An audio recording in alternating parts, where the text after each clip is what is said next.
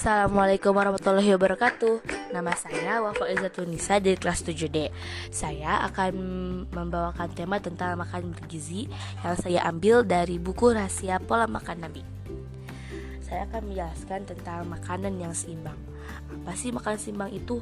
Makanan seimbang itu artinya makanan ideal baik dari segi kuantitas maupun kualitas bagi seluruh bangsa di bumi Tanpa memandang apa pun keyakinan yang mereka anut Tubuh manusia memerlukan makanan seimbang yang memberikan asupan gizi bagi tubuh, menggantikan zat-zat yang hilang karena pergerakan tubuh, menghilangkan lapar, membuat tubuh mampu bekerja dengan baik, memperkuat fungsi kekebalan tubuh dalam melawan berbagai macam wabah dan penyakit. Maka dari itu, makanan yang seimbang menjamin gizi yang sehat dan dapat mewujudkan keseimbangan yang diterapkan Allah dalam segala sesuatu.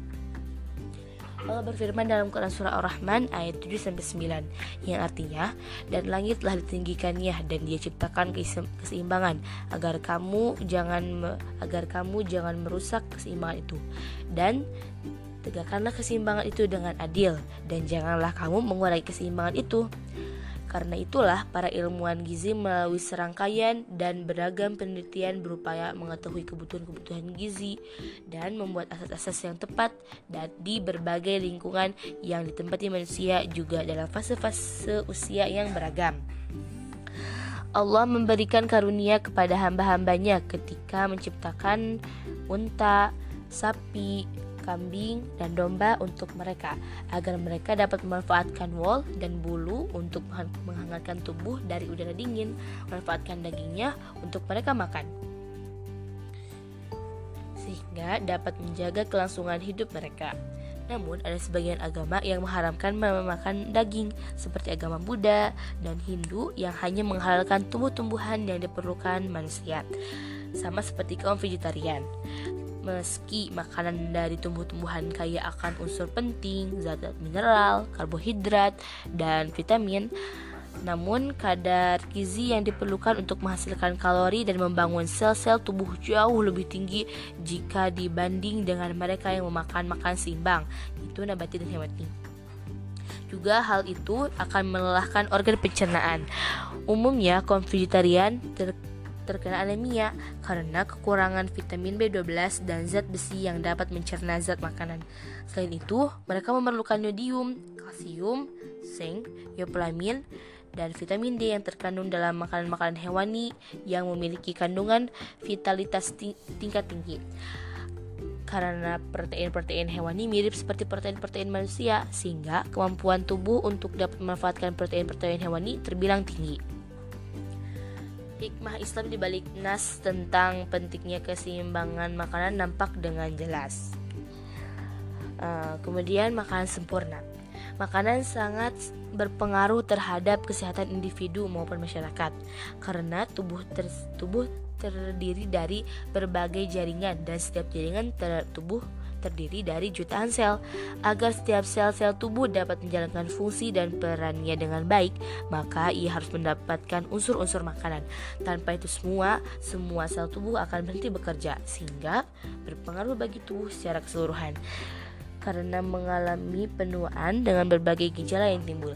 Sebagai contoh, ketika jaringan-jaringan yang memproduksi sel darah merah dalam tubuh tidak mendapatkan unsur-unsur makanan yang mencukupi, maka produksi sel-sel darah merah akan berkurang sehingga dapat menimbulkan kurang darah yang pada ujungnya akan mengurangi kadar oksigen yang dibawa darah ke bagian organ tubuh sehingga organ-organ tubuh mengalami kekacauan dan berdampak buruk bagi seluruh bagian tubuh dengan gejala-gejala kelemahan yang nampak. Untuk itu, tubuh yang sehat memerlukan makanan yang aman dengan unsur-unsur yang sempurna, sehingga dapat memberikan sumber energi tubuh dan sumber-sumber utama yang dibutuhkan untuk tubuh demi menjaga kesehatan tubuh dan melawan berbagai penyakit menular maupun tidak. Karena itulah, makanan yang seimbang dinilai sebagai faktor penting bagi kemajuan bangsa, menunjang produktivitas dan hasil kerja yang bermanfaat unsur-unsur gizi yang ada dalam sumber-sumber makanan yaitu karbohidrat, protein, lemak, vitamin, mineral, serat, dan air.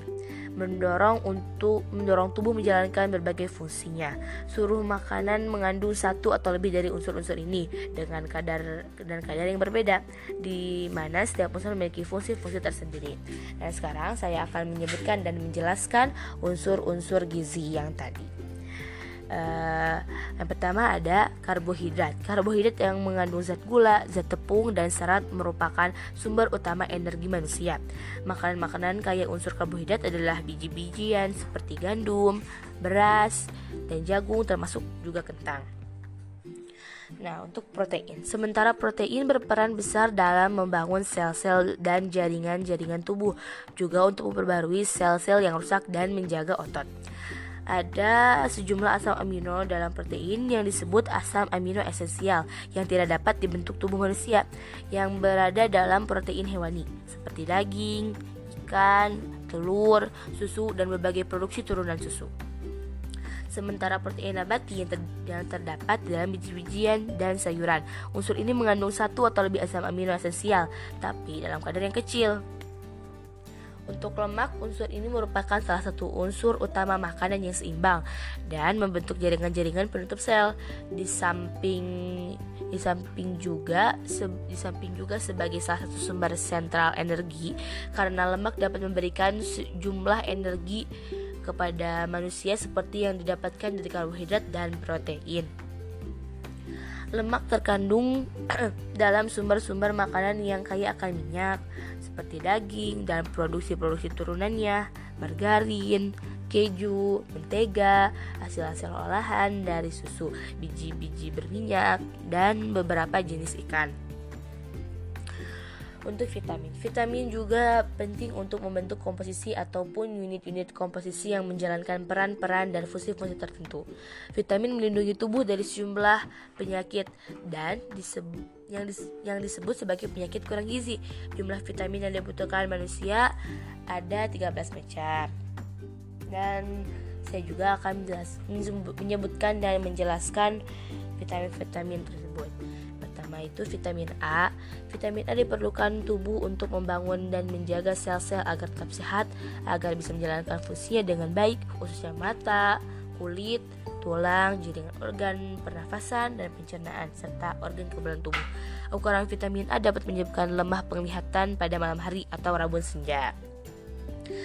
Vitamin A terdapat dalam makanan-makanan hewani seperti hati, telur, susu, dan air susu ibu atau ASI juga terdapat di dalam buah-buahan, sayur-sayuran yang berwarna gelap, minyak warna merah, wortel, buah-buahan yang berwarna kuning seperti mangga dan aprikot yang mengandung unsur karotin yang bisa dirubah tubuh menjadi vitamin A di dalam sel-sel usus. Vitamin B. Vitamin B terdiri dari beberapa vit beberapa vitamin yang larut di dalam air yaitu tiamin yang dikenal sebagai vitamin B1, riboflamin yaitu vitamin B2, niacin, vitamin B3, piridoksina yaitu vitamin B6 dan asam folik yang masuk ke dalam susunan sel-sel darah, asas pantotetan dan vitamin B12 dan biotin. Kekurangan Vitamin ini dapat menyebabkan kelemahan pada otot-otot tubuh, kelumpuhan, gangguan pada organ saraf dan pencernaan, kekurangan darah merah, penurunan fungsi jantung, kulit pecah-pecah, dan mengalami peradangan. Maka dari itu, setiap harinya harus mengonsumsi vitamin B secukupnya yang terdapat dalam berbagai sumber-sumber makanan sayuran, daun, sayuran daun, kacang, biji-bijian, daging, ikan, dan telur. Vitamin C. Vitamin C membantu peningkatan penyerapan zat besi masuk ke dalam da, masuk ke dalam pembentukan jaringan yang mening, mengikat sel-sel tubuh secara bersamaan dan berfungsi sebagai antioksidan. Kekurangan vitamin C dapat menyebabkan serangan serangan gusi berdarah yang ditandai gejala berupa peradangan pada gusi, luka berdarah dan pembengkakan pada persendian. Sumber-sumber vitamin C yang baik adalah buah-buahan, khususnya buah-buahan asam dan se dan sebagian besar sayur-sayuran. Vitamin D. Vitamin D penting bagi tubuh untuk menyerap kalsium sehingga dapat memperkuat tulang dan, se dan semakin meningkatkan kekuatan tulang. Vitamin D terdapat di dalam minyak ikan, telur, susu, dan hati. Vitamin D terbentuk ketika kulit terkena sinar matahari atau atau sinar ultraviolet. Kekurangan vitamin ini dapat menyebabkan penyakit rakitis atau tulang melunak dan melemah yang menyebabkan kelemahan dan kerapuhan tulang pada anak-anak dan para wanita yang sering hamil. Vitamin E. Vitamin E juga penting untuk kesehatan selaput-selaput perlindungan sel sehingga sel tidak mudah rusak. Kekurangan vitamin E dalam makanan dapat menyebabkan kerusakan sel-sel darah merah dan kurang darah.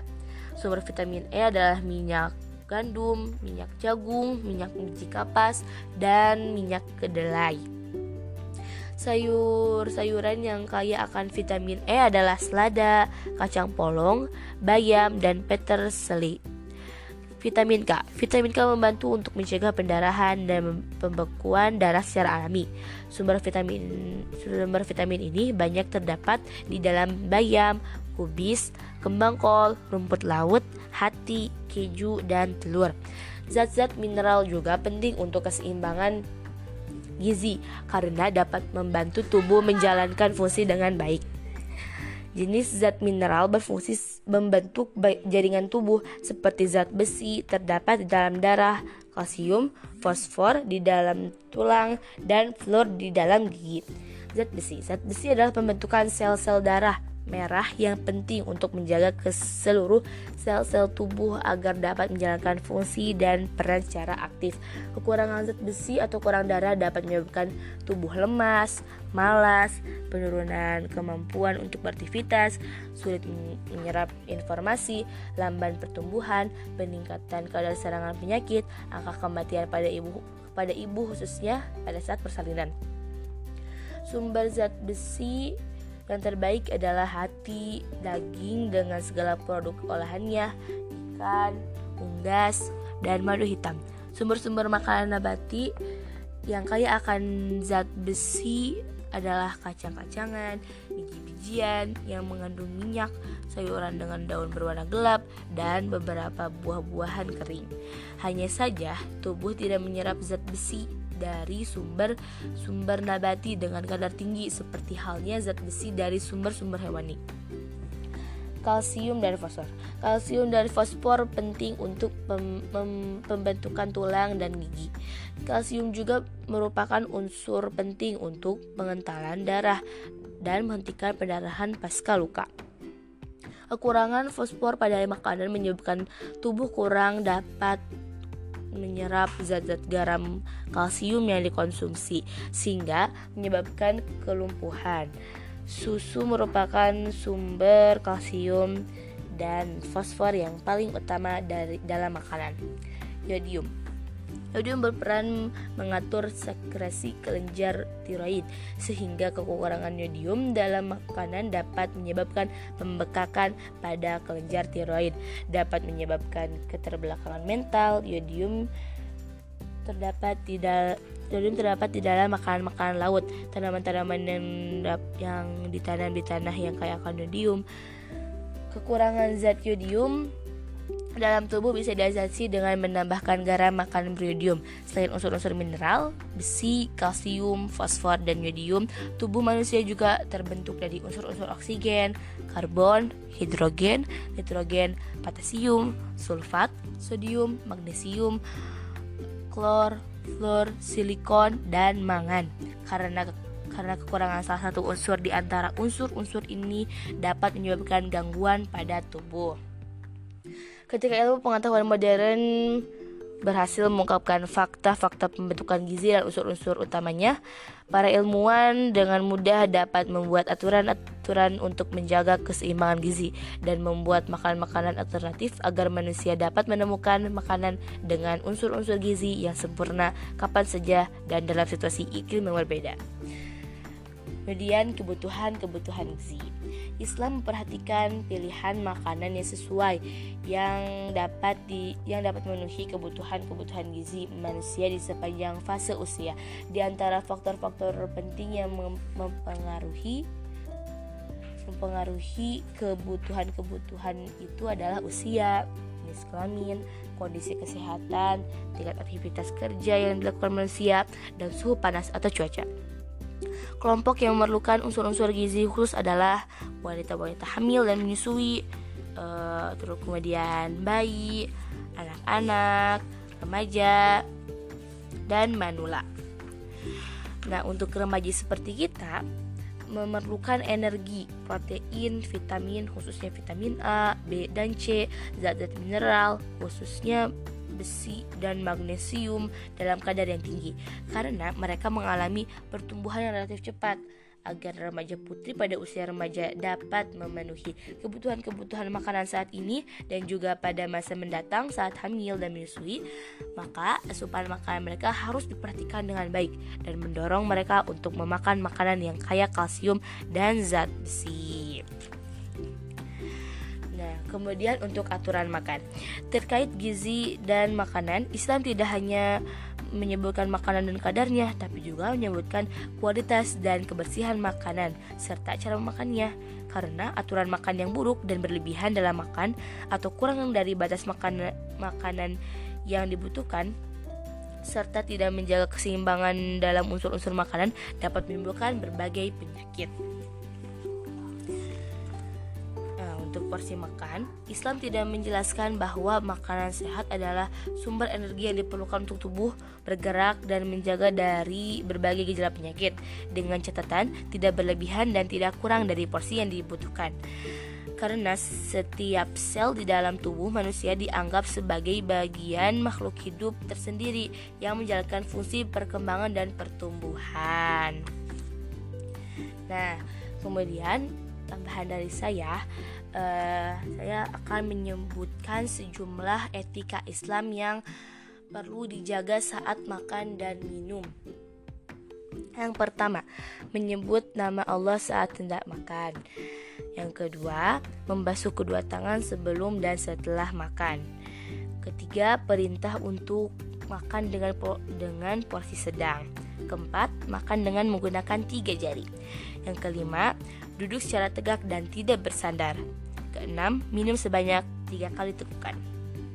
Ketujuh, makan bersama-sama dan tidak makan sendiri-sendiri. Kedelapan, berbicara saat makan dan tidak diam. Kesembilan, menjaga kebiasaan orang terkait makan. Sepuluh, memperlakukan orang sakit dengan lemah lembut. 11. Menjaga perasaan orang lain saat makan setelah memakan makanan dari piring yang ada di hadapan orang. Kedua belas, lebih dulu makan buah-buahan sebelum daging dalam satu kali makan. Nah, itulah tadi uh, uh, macam-macam ya pola pola makan begitu seperti apa. Sekian dari saya. Mohon maaf bila ada kesalahan. Wassalamualaikum warahmatullahi wabarakatuh.